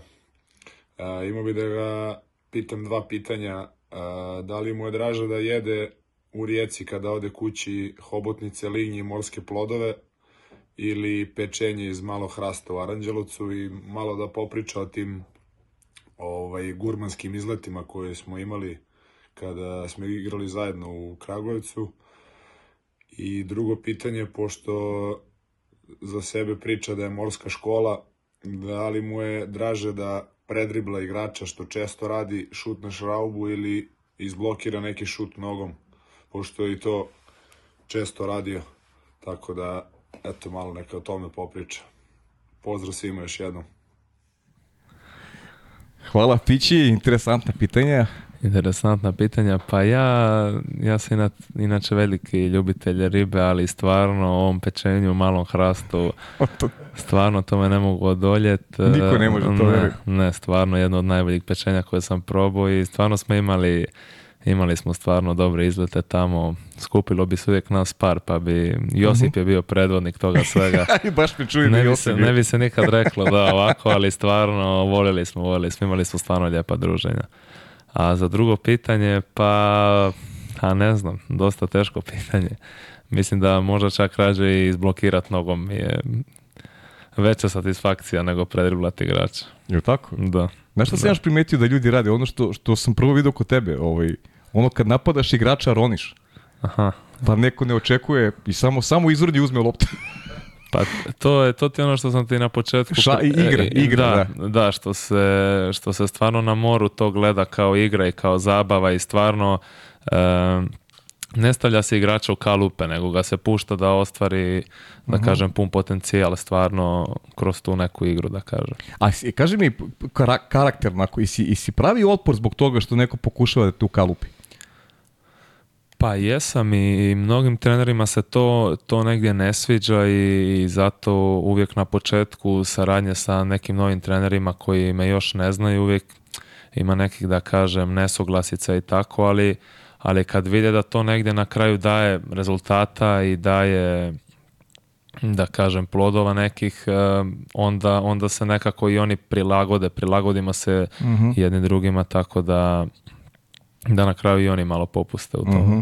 Ali ima veze za to, znači imao sam mnogo interesantnih ovaj, e, ljudi koji su igrača, velikih igrača koji su dolazili, ovaj, što se kaže, sa mora i I, i, i vrlo interesantnu stvar, to sam imam da si, da čuo, kad je Boris Loković bio ovaj, i, i rekao mi ovde da je njemu mnogo fali da mu sad kad je završio karijeru, E, kapira da mu nedostajalo da recimo da je, da je bio recimo deo Partizanove škole u ono vreme, jer prosto tada nije bilo Novog Beograda, Zvezda nije bilo toliko jaka, nije bilo Radičko, da je bio deo Partizanove škole gde kaže Partizan te nauči da da kad povede sa 4-0, on te razbije sa 20-0, a Kaže, mi dole na moru, mi povedemo sa 3-0 i počnemo da sigramo, Onda i, i uvedemo utakmicu u problem, umesto, umesto da kvalitetom pobedimo sa, isto sa 20-0, mi to nikad nismo znali. Kaže, to je nešto što, što je primetio i kaže, to mi kaže, možda falalo, kaže, u nekom periodu. Ili ima i to veze sa tim nekom, nekim odrastanjem na moru, možda, možda ovaj drugačiji malo pristup eh, životu, pa samim tim i sportu? Pa jeste, ima definitivno, složio bi se, složio bi se da, da upravo on je dao dobar primjer, taj neka igra nekad zna onda da pređe i u neko preveliko opuštanje i to mhm. što je opet u jednu ruku i dobro da nisi stalno napet da za neke bitne situacije ulaziš nekako opuštenije, ali opet ovo što on spomenuo da i ja sam razmišljao isto mi je prolazilo kroz glavu i ta partizanova škola, mislim mi smo stvarno na Partizan tada u Rijeci gledali i općenito u Hrvatskoj se stvarno gledalo ako na klub za skidanje kape i za samo divljenje, mislim to je oni su, su uvijek bili vrhunski profesionalci, dok smo mi bili klinci, igrali se, gledali to kao šal. Oni su stvarno od uvijek smatrali sport kao profesionalizam i, to je stvarno bilo nešto za divljenje od, od malih nogu pa sve do sad. Uh -huh, uh koliko ti se promijenio taj način razmišljanja upravo dolaskom, ajde što se kaže, na kopno? dolazak u Srbiju, Vojvodina, Šabac, Radnički, koliko ti se tu promenio, tvoj neki odnos, ok, i mora ti priznati se meni i sviđa što ne želiš da budeš ukalupljen, dokle god je to negde u službi ovaj, ajde da kažem, onoga što su zamisli i, i proktevi utakmice, ali tvoj neki lični pogled na sport, koliko se promijenio dolaskom u, u, u, u ove sredine? Pa promijenio se baš E, što se tiče te ozbiljnosti promijenio se dosta zato što što se ovdje stvarno na, na sport ko na profesionalizam, mhm. stvarno i mislim da je, da je to isto neka vrsta sazrijevanja i odrastanja i mislim da je da je stvarno opet pominjem bio pun pogodak e, moj dolazak u, u Srbiju, što u klub, što u reprezentaciju, baš zbog te neke nove E, nove vrste shvatanja mhm. sporta kao sport. Uh se znači percepcija u, u, potpunosti. Pa nije baš u potpunosti i dalje i dalje ja volim da se igram u sportu, da, ali ali da kažem kad je, kad je ozbiljnost onda je ozbiljnost onda, onda da kažemo ta igra koja je nekad bila onda nestaje onda stvarno dobro, ispravim ako grešim, ja proti sabodelje nisam vidio ni jednu situaciju koja je ličila na, na igru. Neko, pa, da kažem, pa to je to, nije bilo. Pa da, to je to o čemu pričam. Mhm. Nije, kad, ima situacija kad je kad je za tako da kažem za igru, kad nije, a ove sad posljednjih da kažem dve, tri nedelje nisu bile baš mhm, da, za opuštanje nisu. za, za igru. Da. Koliko puta ti je prošlo to da ide izroniš i da ukradeš loptu? A sad već su a, naučili ljudi da to radiš. A prolazi mi dosta puta nego... nego je Filip s druge strane, pa ne smijem. a, to je, a. da, Ne da piće, a. Ne da, ne da. e, to je sad, vidiš, to ti je taj balans koji je neophodan ovaj, da, da. da kaže stari no no. Da, da. Ove, ovaj, šta sam te još da te pitam, pre nego što pređemo na ovo, na ovo pitanje gledalaca, šta se dešava sa, sa školom? Pričao si o tome ranije koliko je to obrazovanje takođe bitno i to je Aleksandra apostrofirala. Gde sebi vidiš po tom polju? Radmiš ovo što o sebi, mlaci čovek, bilo bi dobro da razmišljaš ovaj, šta posle? Mislim da je sad vreme već da se razmišlja, iako nikad ne znaš koliko će karijera da traje. Jeste, slažem se, naravno škola je izuzetno bitna, pa krenuo sam na fakultet bio još prije, prije godinu i pol dana, ali tako sam tu i zastao, onda da. bio od svih silnih obaveza nekako eh, za sad se vidim samo u sportu i, i to znam da je u jednu ruku greška, ali nekako kad sam posvećen volim da budem posvećen na jednu stvar bez nekakvih ometanja. Znači u vaterpolu sam od 0 do 24 i želim to da izguram dokud mogu, a, a mislim da za obrazovanje također nikad nije kasno da, da uvijek može da se i upiše mhm. i fakultet i, neka dodatna školovanja, tako da to ćemo usputno. A šta te zanima generalno? Pa ništa. Kad pričamo o školi, u školi pa ne, ništa, ništa, ništa, ništa, ništa, a ne znaš ovo je znači. Apsolutno ništa. ništa, znači, znači ipak ima vremena da razmišljam. A trenerski posao, to vidiš sebe? Pa vidim se, tu se nekako vidim najviše, mhm. da. Tu se nekako vidim najviše u tom nekom radu sa djecom i, i to, kad za to dođe vrijeme. Mhm. Kupiš sada, imaš, imao si sada već, imao si i, i, i Darka, koji imao si Uroša, imaš Žileta sada, da, da, da, mislim e, stvarno to su sve različiti treneri i mislim da, da, da, da od svakoga treba nešto pokupiti i to mhm. upravo i radim i, i gradim, da, gradim da tako kažem neku bazu za i za igračku i za karijeru poslije igračke. Ko je bio u Šapcu kad si, kad si bio? E, Nemanja Andrić je počeo. A ili je ili Emil bio tada e, ušao? Nije, nije, nije Emil je došao, mislim, godinu ili dve nakon i poslije Nemanja Andrića je došao Miodrag Mirović. Mhm, da, Miodrag Mirović bio, da. Uh da. Znači polako, znači imamo vremena za, za školu. Za školu ima vremena. nikad nije kasno. Nikad nije kasno, što bi se reklo, da. Dobro, kaži mi šta još radiš, neko slobodno vreme sad kad si u Beogradu ili, ili, odeš nešto ili pogledaš neku, neki drugi sport ili te zanima ili si po tom pitanju potpuno onako ne, nije ti zanimljivo uopšte? Pa zanimljivo mi je, dok, sam, dok mi je cura još bila aktivna, otišao sam pogledat tekvondo koji put. E da, to sam da, de, de, de, tako, ona više nije u... E, nije, nije, nije više u, u tekvondo, u nju sam stvarno volio da pogledam ali ovako od ostalih sportova nekad košarku stvarno odem da ono uzelo više olimpijsku medalju? Ili, jest, jest, dve, jedno srebro, jedno tako, je. Da, kažemo, za Marka Tijana Bogdanovića, tako, da, tvoje, da, devika, da. da. E, pa ona mi je, da kažem, i, i najveća podrška u cijelom ovom periodu bila i u adaptaciji u Beograd, pogotovo te prošle godine kad nije bilo lako, kad nisam mogao igrati odnosno ove, ali mhm. prošle sezone. Tako da stvarno isto jedna šampionka velika koja, koja mi stvarno zna u svakom trenutku reći što čovjek treba da čuje u tom mhm, trenutku. mm To je savjet voljene osobe, a pritom i vrhunskog da. sportiste, to da. onako vrlo, mnogo znači. Mnogo da. znači, da, da, da. Super. Dobro, znači, ono, sporta manje ipak ima. Sad, kako se tjedan ne bavi sportom, da, manje ima malo smo, malo smo, da, da. Pa uglavnom volimo tako da blejemo, imamo dve mačke doma, tako da volimo da blejemo sa mačkama, to nam je nekako neka naša oaza mira. Mhm. A i nema puno ni vremena za odmaranje, stalno su treninzi, putovanja, tako da... A ti si odavno od 15. godine u sistemu da. dva treninga dnevno. Da, da. Ajde da pređemo, da pređem neka pitanja da malo, da malo ovaj, ti skinem teret ovaj, s ovih težih pitanja. dobro, sa, sa, naravno sa Tijanom je, je nešto lepo i, i dobro si mi podsjeti ovaj, da, da malo razgovaramo i o tome, samo da, samo da nađem ja gde su mi pitanja. Evo su ovako da vidimo, kaže, mm, Mare, kako se osjećaš nakon osvajanja zlatne medalje? Đole te pita, ovo je Đole, ovo je neš, nešto iz bazena, sad ne znam, prepostavljam, misli na nakupio, tako, Moguće na da, to je zadnja sa zlatna. Pa, fantastičan osjećaj, mislim. Prvi, prvi trofej kupa za, za Novi Beograd, izuzetan osjećaj. Uh pitate, Vukašin Milinković, kako mišljenje ima o VK Šabac?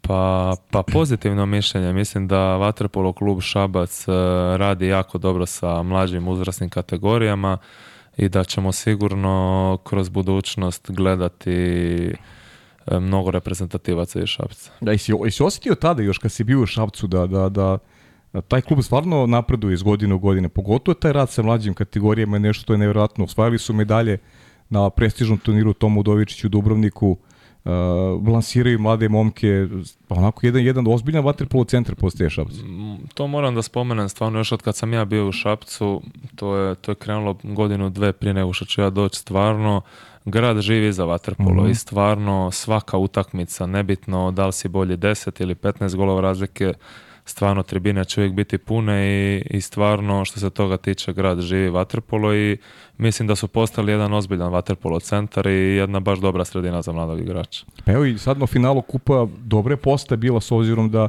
da. nije Šabac da, igrao na filmu da, turniru, ali stvarno lepo pa, lepa Da, da, da, stvarno, stvarno žive za, za vaterpolo. Uh mhm. e, Pistać kaže, kako je, bilo, kako je bilo biti Srbina u Hrvatskoj, da li imao problema što se sporta tiče? Pa bilo je problema, ali ne bi da pokrećen ta tema, ali bilo je naravno. Da, dobro. Razlog napuštanja Radičkog, to smo, to smo rekli, ali ne moramo se vraćati na to. Kaže Matea, Radule čestitke na pobjedi, koji ti je bio prvi klub gdje si počeo trenirati vaterpolo, veliki pozdrav. Mateja, sestra Simurović, pozdrav za njih. Ne, hvala puno na čestitkama. Pa Primor je bio moj prvi matični klub. Da. E, kako je doživeo prelazak na polosezoni iz radničku u NBGD? Dobro, to smo pričali. Komu je, evo je, komu je najveća podrška? pa, Tijana. Šta da misliš ko pita? Evo, sad sam pa, vidio. Pa, verovatno Tijana, da. Tijana pita, kaže, kako, kako je krenulo se baje vaterpolom i to pita Tijana? Pa, ispričali smo da, i to. Dobro. kaže, koji je njegov najveći cilj u sportu? Pa, definitivno zlatno na olimpijskim igrama to je, to je od malih nogu neka želja i, i kroz te sve mlađe kategorije nekako e, najveća motivacija se crpi prvo do dolaska, da kažemo, u, seniore i do mhm. igranja za reprezentaciju, a onda na kraju te olimpijske igre koje su, da kažem, po meni najveće dostignuće koje sportista može dostići. Znaš da je, ovaj, da je Mađarska jedina koja je tri puta za redom bila... Ne znam. Jel to stavljaš sad teret? ne, ne stavljam, samo te, samo te pitam da li znaš. Znam, znam kako ne, ne ne stavljam teret, ja, ovaj, ja kažem ti, ja, imate podršku maksimalnu i ja znam da će to jednog dana se desi. Sada kad će se desi, to je... Sada je, najbolja prilika. Pa dobro, mislim, prilika je, ali svaka prilika je najbolja. Znam. Prvo se treba plasirati na... Da. Dobro, mislim, to je lepa, lepa, ovaj, lepa ambicija. Evo ovako sad, Aleksandar Milošević i njen set, kaže, zjavio jednom prilikom kao juniorski reprezentativac da bi želo dobije poziv za seniorsku reprezentaciju i će napuno raditi da ga zavredi. A može li da, osjet, da otkrije kako se osjećao kada je dobio poziv i u kakvom sećanju ostao debi zatim? Pa jedan e, definitivno vrhunski, vrhunski osjećaj i, i, ja mislim neponovljiv zato što taj prvi, da kažem, poziv i taj prvi debi za reprezentaciju je, je sigurno nešto što ti najviše ostane u sjećanju, pogotovo nakon jedne smjene generacija gdje, gdje je otišlo toliko šampiona naših e, e, u svijetu, najpoznatijih da kažem, tako da, da sigurno jedan osjećaj koji se nažalost neće više ponoviti zato što je taj prvi najljepši, mhm. ali, ali eto, stvarno jedan predivan osjećaj. Dobro, kaže, kako se osjeća s obzirom da mu je dodaljen, epitet da je naslednik e, Filipa Filipovića? Kako biti u istom timu upravo sa Filipom? Ne igrati istu poziciju, ali nekako postoje poređenje kada pričamo o nekom načinu igre. Pa sigurno da je lijepo to čut, ali mislim da ima još puno rada i, i truda do dostizanja i upola ovoga što je Filip ostvario. Uh Kaže, da li je tačno da mu porazi jako teško padaju i kako se bi leči sportska tuga? Pa jeste, porazi mi mislim e, jako teško padaju zato što uvijek tražim nekako nekako tražim šta sam ja mogu učiniti bolje i onda i onda nekako ovo, kako se najbolje liječi sportska tuga mislim da je sa treningom, tako ja bar mhm. nekako svaki sljedeći trening daš sve više i više od sebe dođeš ranije, ostaješ malo duže i i nekako to ti se na kraju krajeva negdje i vrati. Evo, ovako nekim osvajanjem kupa, dobijanje osvajanjem prvog mjesta u grupnoj fazi Lige šampiona i vratiti se stvarno kad je najpotrebnije. Šta radiš, Mare, kad je pauza? Ili imaš neki, neki svoj program ili kako, kako popunjavaš to neko vrijeme? Ili si, si od onih koji ok, sad ću malo da se opustim ili ipak i u to vreme nešto, nešto radiš na sebi da, da, da, se ne bi, da se ne bi zapustio u stvari? Pa, pa volim, volim da radim, mislim uglavnom volim da odem do rijeke malo pošto ne stignem baš da odem, mhm. da odem doma, ali, ali uvijek su to minimalno neka isplivavanja ili teretane, čisto ovo što kaže da se, da se čovjek ne zapusti. Mhm, dobro. E, ako, dobro, nešto, nešto, nešto smo pričali, ajde, da, da, da li u slobodno vrijeme i dalje prati sport, pogotovo futbol, tenis, pa čak i boks ili možda tekvondo. Kaže, kao mali su probao borličke vještine tači u karateu, pa da li se, iako nemaju sličnosti, možda probaju i tekvondu i da li sme uopšte da tijeni stane na crtu? Pa nisam se probao u tekundevu, iako sam nešto baš razgovarao sa, sa njom da bi mogli odraditi koji trening, jer eto, i ona mi kaže da je malo fali toga mhm. svega, tako da evo sad, sad tražimo pogodan termin za to. Ili tako, a? Da. Pa dobro, misli, karate nema, nema nekih sličnosti. Pa nema, nema, nema. Da. nema. treba, je malo opasniji. Malo opasniji, da. Treba budeš veš sa nogama, da. A, da. Pogodiš dobro. Da. E, dobro, ovo Novi Sad, e, Kragova, Šabac, Beograd, koji grad njemu nadrži, koji mu najviše prije za život. Dobro, to si rekao, tako, Novi da. Sad je najbolje prije. E, Sotam Uroš bio trener u klubu, onda i selektor juniorske reprezentacije, koliko je to olakšavajuća okolnost, možda otežavajuća. Ove, ovaj, što si je to proveo cijelu karijeru, Maltine, sa dobar deo karijere sa Urošom. Pa, olakšavajuće, Pa mislim da je olakšavajuće definitivno, da, nema, nema, mislim, ja znam šta on očekuje i, i koliko traži i on zna od mene koliko mogu, tako da je definitivno olakšavajuće. Mhm. Dobro, znači priča nešto sad o taktici, aj to nećemo da se, da se bavimo taktikom. Uh, nakon svepu Fukoki, da, rekao je da je razočaran da neće mentalitet četvrtog mjesta da ovaj tim nikada ne sme da bude zadovoljan takvim plasmanom. Šta misli da je to malo što nam je dostajalo ovog puta da se okitimo medalju? Pa ne bi sad znao reći šta nam je, šta nam je tačno nedostajalo. Mislim da smo se možda malo emotivno, da kažem, i fizički ispraznili poslije te Italije, jer, jer je to stvarno bio veliki uspjeh tada pobjediti E, vice šampiona, šampiona sveta, ali ne bi, ne bi stvarno znao šta nam je nedostajalo, ali eto, nadam se da sad neće nedostajati u, na sljedećem europskom i svjetskom takmičenju. Kaži mi ta Grčka, ovaj, nekako ovaj, su možda bila i e, očekivanja veća nakon, nakon, te, nakon te povede protiv Italije koja je stvarno bila, bila briljantna. Eto, pričali smo o nekom potezu koji se pamti, ta tvoja asistencija ubi za, za taj pogodak u finišu i, i tako dalje. Grčka bez Lahopulosa tada, koja, hajde da budemo iskreni, nije igrala nešto spektaklo na tom prvenstvu. Crna Gora ih je namučila, baš je moglo žeb da ih odvede na, na, neke druge ove, ovaj, pozicije, ne da sa Srbijom, jer, jer jednostavno nisu izgledali dobro. da li ste možda i vi malo sebe opteretili ovaj, nakon te pobjede s Italijom, možda se ispraznili, jer, jer e, to što ste, da ste igrali kao protiv Španije za bronzu, mislim da bi utakmica sa Grčkom bila neizvesna do kraja. Pa da, slažem se. Jesmo se definitivno malo opteretili, ali mislim da je to bila jedna od onih utakmica kad stvarno ništa ne ide kako treba da ide i, i malo, smo, malo smo iskakali iz nekih naših dogovora i, i malo su stvarno da kažem Grke i krenulo i dobili su neku, neki napon snage, dodatnu neku motivaciju i stvarno, stvarno su odigrali jedan vrhunski meč i, i ne, stvarno nikad se ja lično tako u životu nisam bespomoćno osjećao da stvarno za sve što smo pokušali oni su imali neko rješenje i stvarno mislim da da su odigrali jednu vrhunsku utakmicu.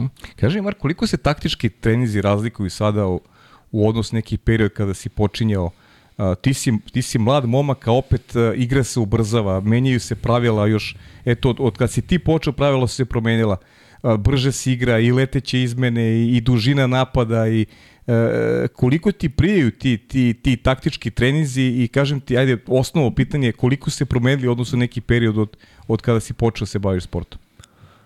Pa promijenilo se, promijenilo se mnogo od kad e, sam ja krenuo lično da mhm. se bavim vaterpolom i ono što smo već rekli, igra se baš ubrzala i mislim da, da sad ti poluvalentni igrači dobivaju više na značaju jer danas, danas moraš, moraš moći plivat, moraš znati igrati više pozicije jer jednostavno vaterpolo se tako promijenio dok je prije nekako po mom mišljenju bio više nekako statičniji vaterpolo, nekako više se igralo na taj duel, ali nije bilo toliko plivanja kao danas. Danas je sve postalo ubrzano i zato imamo primjer vidjeti kako su Grčka, Španija, Italija, pa čak i Mađarska dolaze sad malo više do tog izražaja.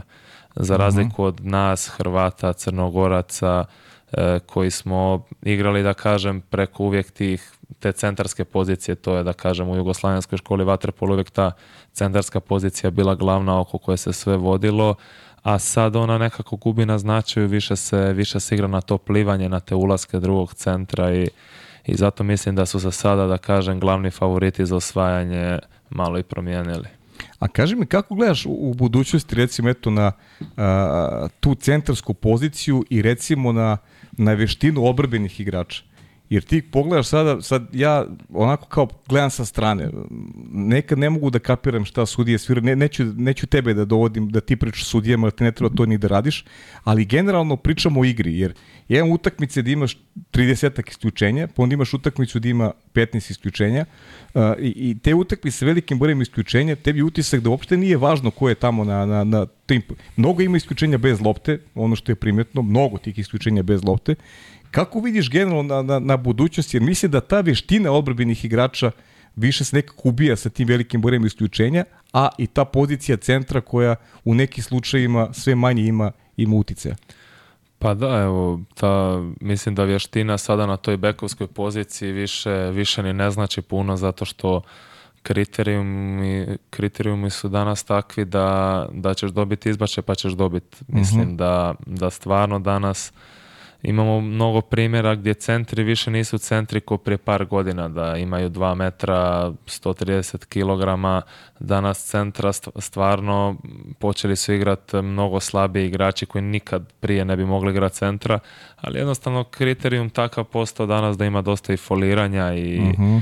i te glume i, i, za to se danas dobijaju izbače i sad zašto je to tako i, i do će to biti ja ne znam ali eto tako je sad kako je. je prilagoditi se. Pa da, poenta je i na početku utakmice odmah vidjeti kako će, u kojem će utakmica smjeru krenuti, da li će biti izbačaj za svaki duel ili će se puštati malo grublje igra. Sad opet kažem, to je do sudija i to što prije krene utakmica, treba se što prije prilagoditi. uh A još par pitanja, ajde, znam da si putovao, da te, da te ovaj, ne davim previše, kaže, E, šta vas inspiriše, a šta, šta motiviše u radu? To je sad onih set Aleksandrinih pitanja. E, pa motiviše me neka, da kažem, ne postignuti neki ciljevi ove, ove neka izgubljeno, na primjer, polufinale i utakmice za treće mjesto u, u Fukuoki, to je definitivno najbolji motivator i, mislim da ti više od toga ne treba. Mhm. E, koje je vaše najveće razočaranje ili najteži poraz? Pa ovo sa Hrvatskom Budimpešte. Hrvatsku Budimpeštu, da. da, to si rekao. Najlepši uspomen iz djetinstva? Uh, e, uf, pa bilo ih je. Posvajanje nekog trofeja sigurno sa mojim prvim trenerom. Aha. Kaže, imate li omiljeni svakodnevni ritual ili ritual pred meč? E, Nemam baš, iskreno nemam baš. Nemaš, a nisi? Ne, nisam, uh-huh. nisam u tom fazonu s ritualima. Uh-huh. A životni sportski moto? E, budi bolji svaki dan. Budi bolji svaki dan. E, kaži mi, ovaj, ili il, il, priznaš posle utakmice da je neko bio bolji? Pa, teško. A? Teško, teško a? Teško teško. Pružiš ruku, ali... ali ma, naravno, uvijek se... Obavezno, ali... Uvijek se sportski pruži ruka, ali sad priznat nekom da je bio bolji. Prije ćemo priznat nama loš dan nego da je neko bio bolji. Sjajno. A kaži mi neki, neki, ima neki rival koji te onako posebno uh, negdje inspiriše, možda i nervira neko ko, ko ti je našo žicu pa, pa ti je teško da igraš protiv, uh, protiv tog igrača? Pa iskreno, jedan od najtežih protiv igrača s kojima sam igrao, ne da me nervirala, da mi je jedan od najtežih je Fića baš upravo. Fića baš, da, igra, zato što to je jedna snaga protiv koje je stvarno jako teško zaigrat, a mhm. osim što je snažan i prespreman, u, mislim ne možeš ti njemu da prodaš ništa što on već nije, on prodao ili što neko njemu nije prodao stvarno, tako da definitivno on je jedan od najtežih igrača. Uh mhm. -huh.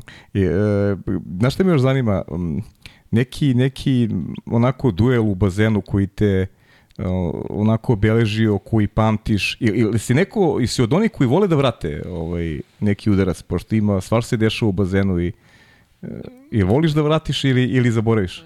Pa volim da vratim, volim da vratim, ali čekam nekako prigodan trenutak za to, jer e, mhm. danas je suđenje postalo dosta rigorozno i stvarno je šteta napraviti gluposti, dobiti zabranu igranja. Mhm. Pošto danas je crveni karton automatski kazna minimum jedne mhm. utakmice, tako da bolje zapamtiti za neki drugi put. da. Kad, kad je bolja prilika za reakciju. da, da. Ništa, Marko, ili ima nešto što te, što te nisam pitao? Ja znam da ovo je drugo tvoje gostovanje, siguran sam da će ih biti više i, ovaj, i znam da te čeka, da, da te čeka i jedna, jedna super karijera i znam da si posvećen. Uh, i, i znam da ćeš da budeš i zreliji, da ćeš da budeš i, kvalitetniji i to je ono što će i trebati srpske reprezentacije u narednih deseta godina. Uh, I kažem ti, ajde samo da završimo svojim uh, naravno porodice pre toga, Evo, dobro se sjeti. Ajde malo, imaš reč, priči malo o porodici, o tijeni si pričao, koliko su oni kao, kao podrška važni Pa definitivno mislim da su oni imali najveću ulogu mhm. u sve naravno i, i trenera i prvog i drugog i trećeg i, i djevojku sada mislim da je porodica e, ta koja je nekako uvijek bilo uz mene i nekako su mi uvijek beskrajno vjerovali. Ja kad sam rekao e, da želim da idem u Novi Sad, e, isto su mi rekli dobro razmisli, mi smo uz tebe, šta god ti kažeš, tako će biti i stvarno, stvarno su mi vjerovali maksimalno i mislim da je mhm. to negdje za mladog sportistu najbitnije da da mu se vjeruje i da mu se da sva potrebna podrška jer e, bez nje mislim da jako teško može da se uspije. Mhm. I sad ono, jesam ti nešto preskočio te pitam, a ti bih teo da kažeš? Pa mislim da nisi, mislim da smo a, sve I Zadovoljan, sve ok. Sve odlično. Ništa Marko, uh, želimo ovaj jednu dobru toplu zimu, toplo oko srca što podrazumeva ovaj dobre rezultate, pre svega plasman olimpijske igre, neka medalja bilo bi dobro za, za početak. Ja i dalje to zovem početkom repistivne karijere jer sve ide onako postepeno, sve ima svoje zašto i zato, tako da svi verujemo u vas, svi koji su u Vatripolu veruju u ovu generaciju i i samo napred, lepo se spremite i navijat ćemo za vas u, u Zagrebu i kasnije u, u Dohi. Hvala. Hvala. Bio je to Marko Radulović, uživajte u ovoj emisiji. Sledeće nedelje najverovatnije ćemo malo pričati o, te, o trenerskom seminaru koji se održava u Beogradu, a onda tamo od eh, nekog 20. i 20. recimo podcasti će uglavnom biti posvećeni E, dešavanjima na Evropskom prvenstvu u Zagrebu i Dubrovniku koji počinje od 4. januara. Eto toliko za ovu priliku, ja vas pozdravljam i pratiti dalje podcast pod kapicom.